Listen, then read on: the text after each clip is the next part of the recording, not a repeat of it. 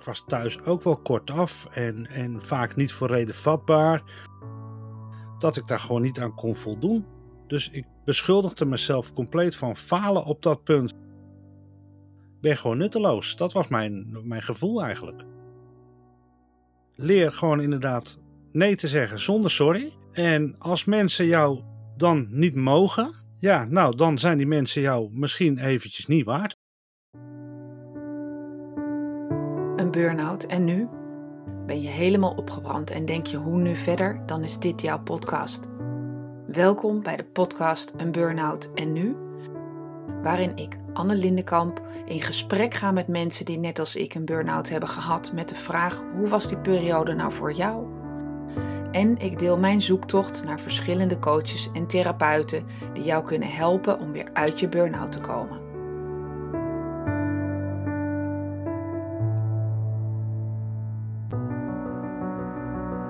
In de reeks gesprekken met mensen die een burn-out hebben ervaren, vertelt Felix deze keer zijn verhaal.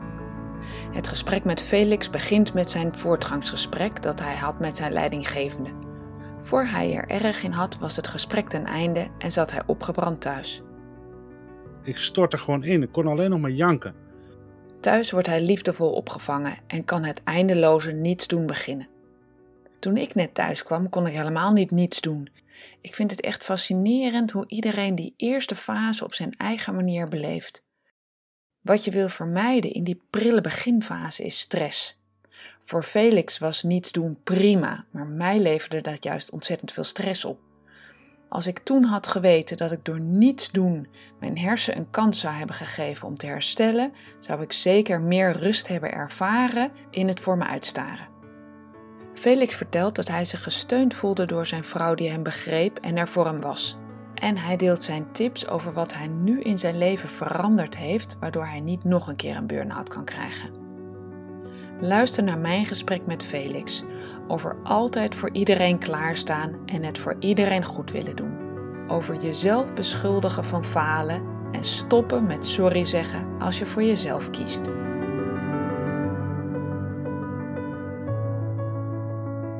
Vandaag een aflevering met een ervaringsdeskundige. Felix, welkom. Dankjewel. Fijn dat je je verhaal wilt delen. En kunnen we direct beginnen met de dag dat het bij jou gebeurde? Ik noem dat altijd de D-Day. Weet jij nog uh, het moment dat jij officieel dacht: shit, dit is een burn-out? Uh, ja, mijn, mijn D-Day-dag weet ik eigenlijk nog wel heel goed. Um, dat was op mijn werk tijdens een voortgangsgesprek met mijn leidinggevende. Toen kreeg ik eigenlijk te horen dat, ondanks dat ze altijd super tevreden over mij waren, ja, dat de laatste tijd een aantal dingen niet afkwamen. En er werd mij gevraagd hoe dat kan en weet ik veel. En ik liet die vraag op mij inwerken. En op dat moment ging er een hele stroom aan gedachten voorbij eigenlijk. Op dat moment besefte ik dat ik eigenlijk tegen heel veel dingen opzag de laatste tijd. Ik kon me niet concentreren in de kantoortuin waarin we werkten. Hulpvragen van vrienden werden me opeens te veel. Zelfs mijn privé-mailbox liep over. En als ik er al aan dacht, zonk de moed me in de schoenen om überhaupt mijn mail te openen. Nou, ik heb dat gesprek met mijn leidinggevende niet kunnen afmaken. Ik stortte gewoon in. Ik kon alleen nog maar janken. En ik ben na dat gesprek gelijk naar huis gegaan en heb muziek gemeld. Felix, dan zit je daar met die leidinggevende. Je moet natuurlijk dat hok nog uit. Met die rode opgezwollen ogen. Wat zal jij uh, gebaald hebben dat, dat je ook nog die kantoortuin door moest? Ja, ja, natuurlijk. Ja, je moet je spullen pakken en. Tenminste, je moet je spullen niet pakken, maar ik ben gewoon gegaan. Ik zeg, ik ga naar huis, want ik trek dit gewoon niet meer. Uh, ja, dat, dat was een, een vreselijk benauwend moment. Ja. ja, en dan op weg naar huis. Ik weet van mijn burn-out bijvoorbeeld nog dat moment dat ik in de auto naar huis reed en dacht: eigenlijk moet ik me nu bevrijd voelen dat ik naar huis ga en dat ik niet hoef te werken. Want daar zag ik iedere ochtend heel erg tegen op om weer mhm. te werken. Ehm, maar ik voelde me helemaal niet bevrijd. Hoe, hoe, was jouw rit naar huis? Ik ga op de fiets naar mijn werk en uh, dat heeft op zich wel een, als voordeel dat je je hoofd een beetje leeg kan maken. Of in ieder geval even lekker kan nadenken. Dat kan soms ook wel erg, uh, erg fijn zijn. Maar inderdaad, ik voelde me niet opgelucht of zo ja, mijn leidinggevende was er uiteraard akkoord mee dat ik mij ziek had gemeld op dat moment. Maar ik had echt het gevoel van, ja, en nu dan? Zo'n leegte, zo'n ja, heel raar gevoel van op zijn of zo. Ik weet het niet.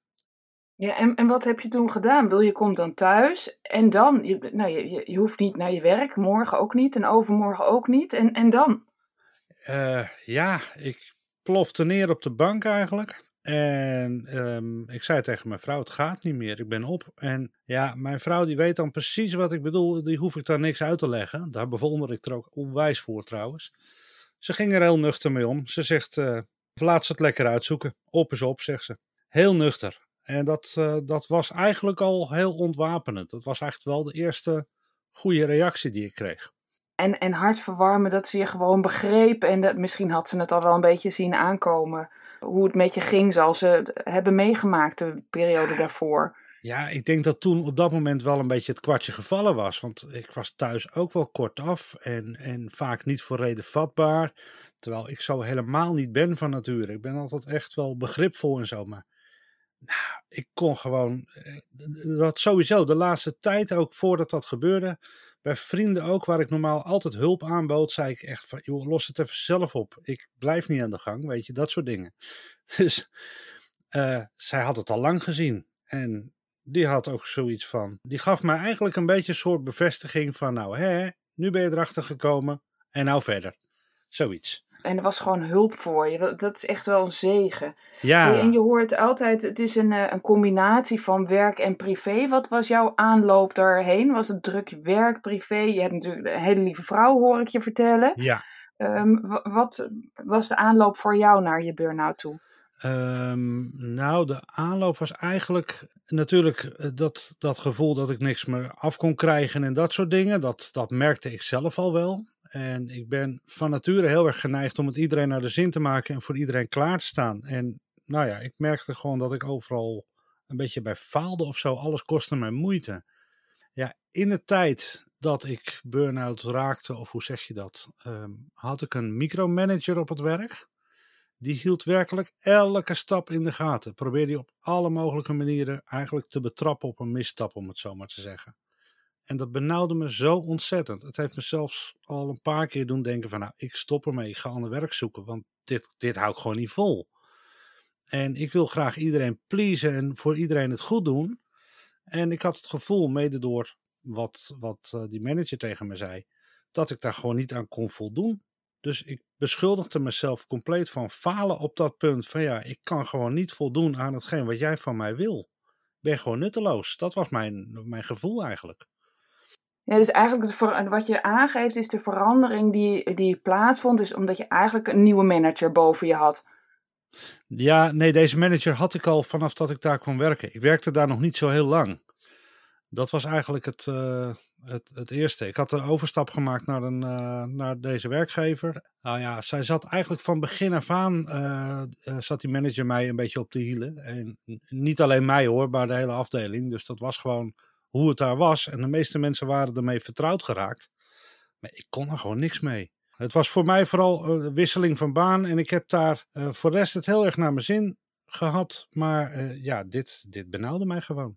En ik, en ik heb je al eerder ook horen zeggen: hè, van nou, ik wil dat graag goed doen. Ik wil graag mensen uh, helpen. Ik ben een, uh, een, pleaser, hoorde ik geloof ik zelf zeggen. In mijn uh, visie zijn het woorden die bij mensen horen die perfectionistisch zijn. Ja. Wat, wat ik zelf een fantastische kwaliteit vind, als ik heel eerlijk ben. Mhm. ik, ik hou heel erg van dingen goed voorbereiden. Hè, als je zegt dat je iets doet, dan doe je het ook. En dan kom je het na. Um, herken je daar dingen in? In je, gewoon hoe jij al, over het algemeen bent? Ja, absoluut. Absoluut, zonder twijfel. Ik, ja, nou ja, zoals na de aanloop van, uh, van uh, dit gesprek ook. Ik heb wel geprobeerd ook het een en ander erop voor te bereiden. Zo zit ik gewoon in elkaar van, ja, ik wil zorgen dat het goed is. En uh, in mijn werk ook. Ik wil het gewoon iedereen wel naar de zin maken. En soms ook ten koste van mezelf. En dat is denk ik wel wat, wat ik ook wel geleerd heb. Kan je ons meenemen in, uh, in die reis, nou, hoe je dat dan toepast? Hè? De, uh, uh, ook goed voor jezelf zorgen, want dat is ook voor mij wel een ding, dat moest ik wel gewoon leren. Dat ik dacht, hoezo moet ik dan voor mezelf zorgen? Ik moet er toch voor anderen zijn?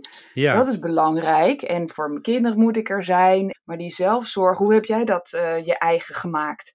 Ja, een, een goede vriend van mij, die, had, die heeft hetzelfde gehad. Ook gewoon eigenlijk een ervaringsdeskundige die zei tegen mij: Felix, wij gaan even, even naar de kroeg. Dus we zijn naar een café gegaan en toen vertelde hij mij eigenlijk zijn verhaal. En dat hij tegen zijn baas nog wel eens zei, want hij heeft nog wel eens een beetje dat hij zegt van nou, eh, moet een beetje op gaan passen. Heeft hij zijn baas opgebeld van ik kom vandaag niet werken. En zijn baas had gezegd, hoezo dan? Wat is er aan de hand? Nou had hij gezegd, nog niks. En hij heeft mij daarmee laten zien dat je op een gegeven moment ergens, ja, in ik zeg het altijd maar in mijn hoofd, een soort van metertje, net als een benzinemeter moet hebben, met het groene gebied, oranje gebied en het rode gebied.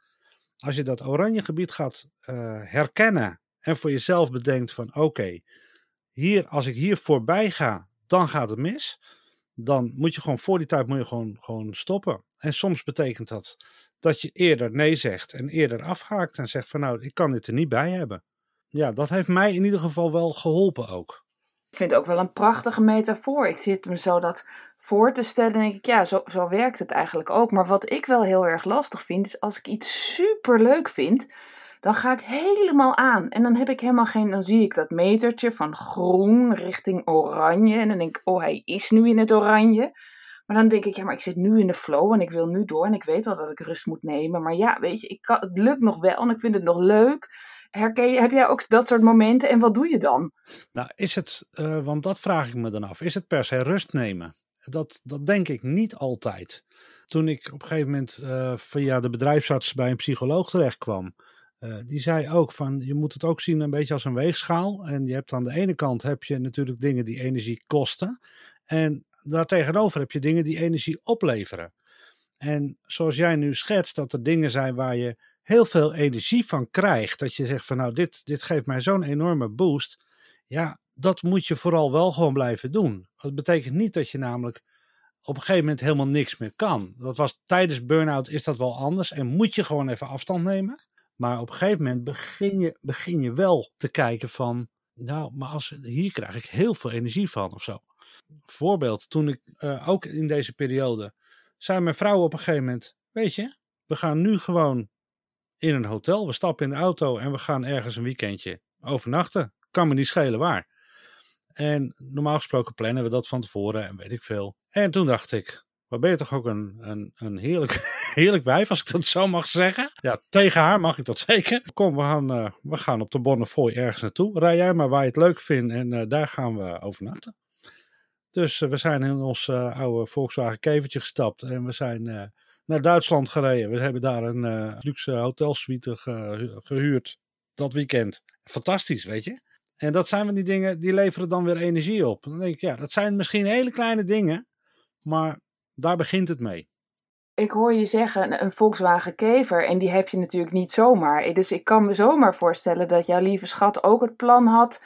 Want hier wordt Felix heel blij van, van een avontuur met zijn kever. Ja, ja, uiteraard dat is, dat is voor mij uh, ultieme ontspanning. Ook in deze tijd dat met heel veel thuiswerken. Tussendoor stap ik even in mijn autootje en, en ga ik gewoon een stukje, ja, ik noem het wel eens zinloos benzine verstoken. Maar ik krijg er zoveel energie van. Dus ja, dat is voor mij uh, zeker. En dat wist mijn vrouw natuurlijk ook. Dus die heeft, dat, uh, die heeft dat gewoon gedaan om te helpen. En dat was gewoon super. Ja, geweldig zo'n avontuur zeg. Puur uit interesse heb je er één of misschien wel meer dan één? Ja, ik heb, een, uh, ik heb een kever en ik heb ook nog een busje. Ja, dat zijn echt wel mijn, uh, mijn schatjes. Daar krijg ik dan weer energie van. ja, maar dat wil je toch? Iets vinden waar je energie van krijgt. Want heb je daar, toen je net in die burn-out zat, had je daar uh, moeite mee om dat te vinden? Ik vraag het omdat ik heel veel moeite had om te vinden waar ik energie van kreeg. Want alles kostte mij op dat moment energie. Ja, ik denk ook als je, net, als je er net in terecht raakt, of als je eigenlijk net, want ik zeg altijd van het moment dat ik de ziektewet inging, was eigenlijk het moment van een nieuwe start. Je begint helemaal leeg, hè? Je begint eigenlijk gewoon van, ja, waar ben ik? Wat doe ik? Uh, alles kost inderdaad te veel energie, alles kost moeite. Je moet eerst geduld hebben en de mist laten optrekken, zeg ik wel eens. Gewoon even afwachten. En dan kan je niet zoveel aan doen. Nee, maar kon je dat? Kon je gewoon even niks doen en afwachten? Dat voelde bij mij zo nutteloos. Nee hoor, dat komt prima. Echt? ja, dat komt prima. ja, ik heb mijn telefoon permanent uitgezet in die tijd. Ik denk, ik ga gewoon het grote niks doen. Gewoon helemaal niks. En ja, voor mij voelde dat misschien wel nutteloos, maar ik denk ook, ja, uh, doorgaan dat helpt ook niet, want dat heeft me tot hier gebracht dat, uh, dat het niet meer gaat. Nou, dan moet ik maar gewoon niks doen. Dat gaat na een paar dagen wel stierlijk vervelen hoor, moet ik zeggen. Maar dan trekt de mist op en dan ga je kijken van, nou, wat vind ik nou wel leuk om te doen? En uh, de psycholoog heeft toen ook gezegd van, ga vooral kijken wat je kan doen, wat je echt gewoon heel erg leuk vindt. En het maakt niet uit wat het is. Als je wandelen leuk vindt, ga lekker een stuk wandelen of fietsen of whatever. Maar ga iets doen wat je gewoon leuk vindt. En vind je niks leuk, dan ga je niks doen. Dat, uh, dat heeft wel geholpen. En maar op een gegeven moment ben je weer gaan, gaan reïntegreren. En bleef er toen ruimte ook voor niks doen?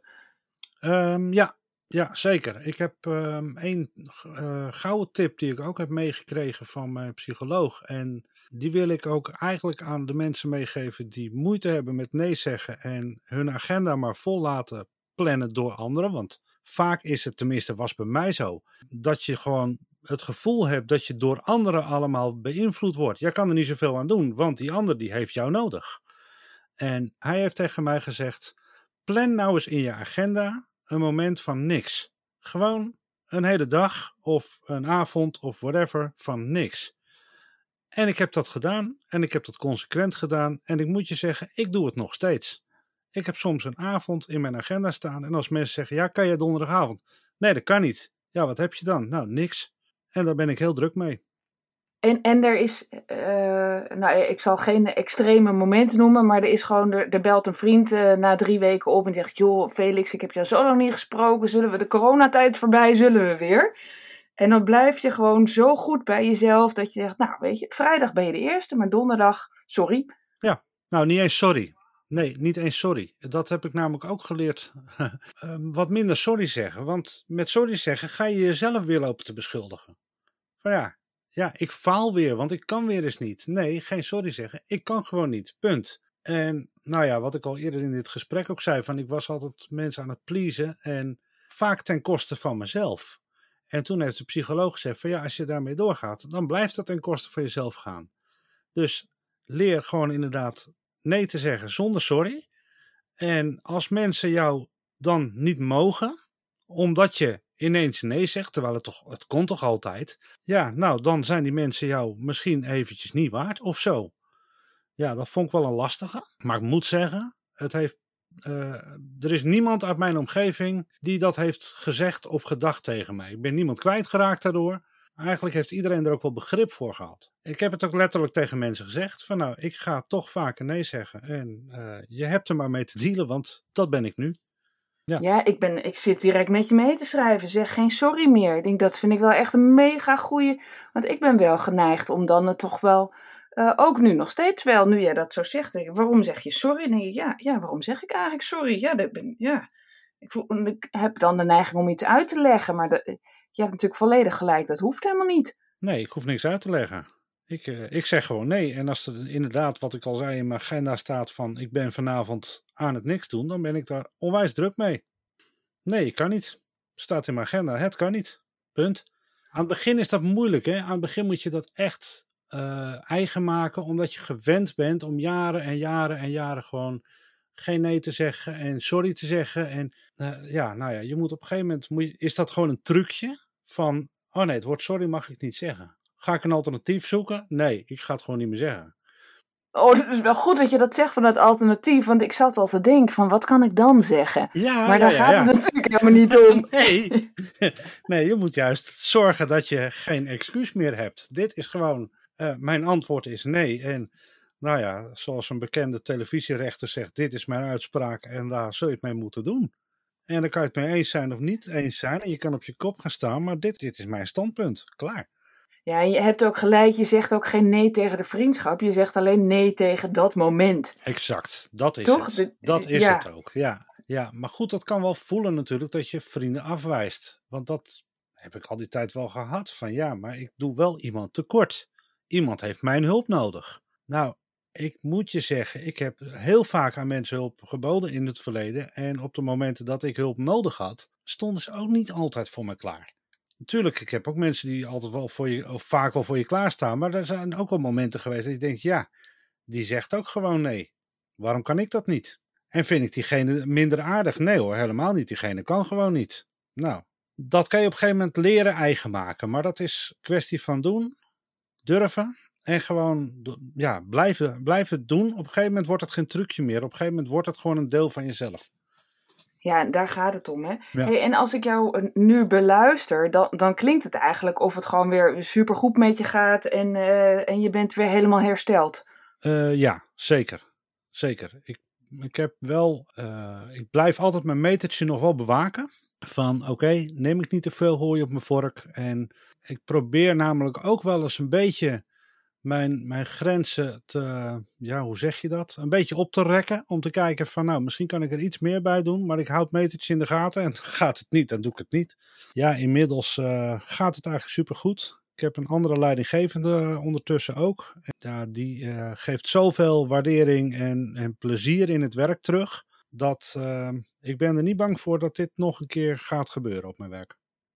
En al met alle lessen die je, die je hebt geleerd en met ons hebt gedeeld, hè, en dan de, de, die mij het meest, meest is bijgebleven is, zeg gewoon geen sorry, maar wees duidelijk. Ja. Um, zou er iets van de Felix van nu, wat je geleerd hebt, wat zou je tegen die Felix van toen willen zeggen? Misschien niet een week voor je burn-out, maar misschien wel maanden voor je. Van let erop, stop ermee, want anders gebeurt er dit.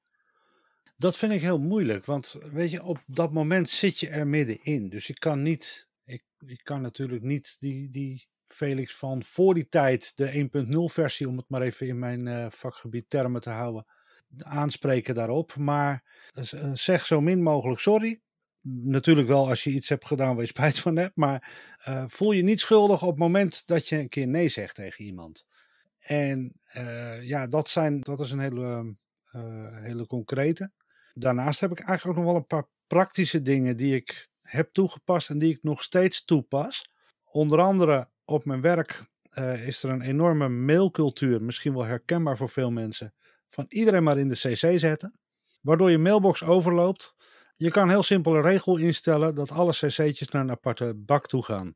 En dat je aan het eind van de dag zegt, ik kijk wel of er wat belangrijks voor mij tussen heeft gezeten. Want als jij in de cc staat, hoef jij het op zich niet direct te weten. Nou, dat heeft, uh, heeft al heel veel rust opgeleverd. En ook nog een heel klein dingetje, gewoon plingeltjes van je telefoon. Die leveren ook stress op van, van WhatsApp of weet ik veel. Ik zit om die reden expres niet op WhatsApp. Uh, zet al die plingeltjes uit, want je wordt er gewoon gek van. En je laat je eigenlijk de hele tijd beïnvloeden. Je staat de hele tijd aan. Ja, dat levert uiteindelijk stress op. Uh, dat je gewoon niet meer kan stoppen met nee zeggen. Ik ben druk aan het meeschrijven. Want ik ja. heb natuurlijk al deze tips klingen allemaal. Dat ik denk, ja, die CC-cultuur daar, uh, dat is echt verschrikkelijk. Dat ik denk, nou, oh, wil, je, wil je mij nou informeren? Of dek je je in dat je over een paar maanden kan zeggen dat ik het geweten zou moeten hebben? Ja, je weet waar CC voor staat, hè? Nee, nee? ben ik vergeten. Vertel eens. ja, vroeger was het carbonkopie. Je moest daar een carbonnetje tussen leggen op een ouderwetse typemachine en dan had je een doordrukvel. Dat was een, een kopie aan iemand anders. Maar tegenwoordig staat CC voor Cover My Career en proberen ze zich inderdaad in te dekken dus uh, ja. Ja, ik denk altijd als je, als je belangrijk vindt dat ik het weet, dan kan je ook even de moeite nemen om het me even te vertellen. Precies. En zo, dan ben je op de hoogte in plaats van dat ik ja. 26 onderdelen van 24 contactmomenten met iedereen moet terugbladeren over wat ik daarvan had moeten meenemen. Ja, precies. Ik heb ook gewoon uh, ge gemerkt op mijn werk dat sinds ik dit doe, dan zeiden mensen, ja, ik heb wat naar je gemaild. Dan heb je dat al gelezen. Ik zeg, heb je dat aan mij gestuurd of heb je het gecc'd? Ja, ik heb het gecc'd. Dus ja, dat lees ik één keer per dag. Uh, sindsdien word ik aanzienlijk minder gecc'd. Want die mensen gaan ook leren nadenken van, oh ja, misschien hoef ik helemaal dat niet mee te sturen. En als het wel zo is, nou ja, dan hebben ze er respect voor dat ik het maar één keer per dag lees. Sinds ik dat gedaan heb, heeft het me ook een hoop rust gegeven. Ja, en het klinkt eigenlijk, ik hoor je nu zeggen uh, hè, dat ze er eigenlijk wel respect voor hebben voor dat, uh, dat jij zo die mailbox inricht. Hm. En het klinkt eigenlijk ook alsof ze heel veel respect hebben voordat jij zo duidelijk bent hoe het wel werkt en op manier waarop jij het doet. En dat dat helemaal prima is. Ja, klopt. Dat is ook, ja, ik denk ook wel een van de lessen die ik heb meegekregen van wees vooral duidelijk ook. Als er iets niet bevalt of wat dan ook, ga niet in je schulp kruipen, ga het niet bij jezelf houden, maar ventileer het. Uh, zie het vooral ook niet als falen van jezelf, maar als, juist als een kracht om te zeggen, nee, op deze manier werkt het gewoon niet voor mij. Moet gewoon anders. En dan, dan ben je duidelijk en dat levert meer respect op dan, uh, dan, dan je zou denken in eerste instantie. Ja. Ja, en eigenlijk gaat dat ook zo met een burn-out natuurlijk. Hè? Ik bedoel, je hebt uh, zelf bewezen dat het op die manier zoals je het vroeger deed niet ging. Nee.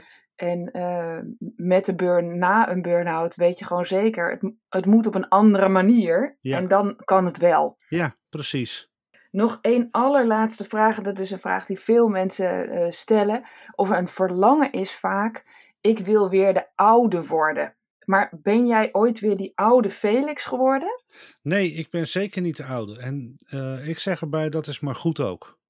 En dat begon met dat die psycholoog dat tegen mij zei van um, sommige mensen zullen je misschien niet meer zo aardig vinden omdat je vaker nee zegt. Nou, dat heb ik gelukkig niet hoeven merken. Of niet gemerkt in mijn omgeving. Maar uh, nee, ik ben zeker niet de oude. Ik heb, als ik in de terminologie van mijn beroep mag blijven, spreek ik liever van Felix 2.0. Uh, ik ben gewoon een nieuwe versie van mezelf. En uh, dan is de burn-out op zich niet echt een cadeautje of wat dan ook, maar het heeft uiteindelijk wel gezorgd voor een radicale reset. Ja, ik ben het helemaal met je eens. Een radicale reset, dat is een, past ook beter met mijn ervaring van mijn burn-out. Want een cadeautje, ik vond het geen cadeautje. Nee. Ik vond het heel zwaar en ik had het liever niet meegemaakt. Maar Nee. ik vind de persoon die ik nu ben, vind ik wel veel leuker. Ja, nou dat, dat, dat, dat heb ik ook. Ik ben blij eigenlijk dat ik nu heb uh, leren nee zeggen. En dat het gek genoeg dat, dat iedereen in mijn omgeving het gewoon, gewoon begrijpt. Denk, waarom heb ik al die tijd zo krampachtig gedaan over dat nee zeggen? Is het dus gewoon blijkbaar niet nodig. Dat hou je zelf in je hoofd, maar het is gewoon niet nodig. Nee, dus inderdaad, ik ben ook gewoon veel meer tevreden met wie ik nu ben en uh, lekker doorgaan. Lekker doorgaan, daar gaat het over. Felix, mag ik je hartelijk danken voor al jouw inzichten en, uh, en het delen van jouw ervaringen. Heel graag gedaan. Je hebt net kunnen luisteren naar mijn gesprek met Felix en daarin gaf hij tips die hij nu toepast om te voorkomen dat hij ooit weer een burn-out krijgt. Van dit gesprek heb ik drie dingen meegenomen die ik zelf nu in de praktijk probeer toe te passen. Uh, wat minder sorry zeggen, want met sorry zeggen ga je jezelf weer lopen te beschuldigen. Van ja, ja, ik faal weer, want ik kan weer eens niet. Nee, geen sorry zeggen, ik kan gewoon niet. Punt. Voel je niet schuldig op het moment dat je een keer nee zegt tegen iemand. 1. Het is niet nodig om je te verontschuldigen als je voor jezelf kiest. Ik heb nog wel eens de neiging om te zeggen: nee, sorry, sorry, dan kan ik niet. Maar waarom zou ik eigenlijk sorry zeggen? Je kan ook gewoon zeggen: nee, dan kan ik niet, maar over een week kan ik wel. Uh, zie het vooral ook niet als falen van jezelf, maar als, juist als een kracht om te zeggen: nee, op deze manier werkt het gewoon niet voor mij. Moet gewoon anders. En dan, dan ben je duidelijk en dat levert meer respect op dan, uh, dan, dan, dan je zou denken in eerste instantie. Tweede punt wat ik meeneem is: het is belangrijk dat je gewoon duidelijk bent. Zodra je vaag wordt, dan creëer je verwarring en dan kan er juist een situatie ontstaan waardoor nee worden heel erg lastig wordt. Zodra je duidelijk bent, weet de ander waar hij of zij aan toe is en dat levert juist weer respect op van anderen. Ja, ik heb het gecc'd. Dus ja, dat lees ik één keer per dag. Maar tegenwoordig staat cc voor Cover My Career. En als derde en laatste tip neem ik mee die aparte cc-mailbox. Het komt voor dat mensen aan hem vragen: Hey, heb je die mail al gelezen? Zijn wedervraag is dan standaard: Heb je die mail aan mij gestuurd of was die CC? Is het antwoord CC, dan volgt daarop: Mail CC aan mij gestuurd, lees ik maar één keer per dag.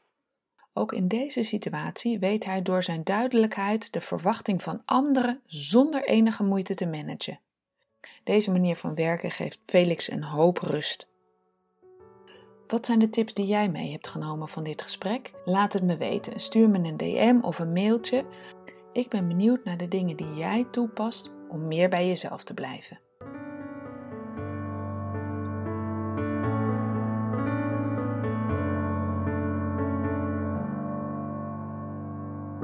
Dit is alweer het einde van de podcast Een Burnout en Nu. Fijn dat je luisterde. Deze podcast is onderdeel van mijn missie. Ik help graag zoveel mogelijk mensen bij het zetten van die eerste stap van herstel als je helemaal bent opgebrand. Wil jij ervaren hoe ik jou kan helpen? Maak dan een afspraak op de website eenburnoutennu.nl. Daar kan je ook mijn gratis e-book downloaden met 11 tips voor meer energie. Weet jij een bijzonder persoon of een bijzondere therapie die anderen zou kunnen helpen bij hun herstel? Laat het me weten. Je kan me vinden op Facebook of Insta onder Anne Lindenkamp en stuur me dan direct een DM of ga even naar de website eenburnoutennu.nl slash contact. Hoor je nou graag meer van deze inspirerende gesprekken? Abonneer je dan even, dan hoef je niets te missen. Tot de volgende aflevering.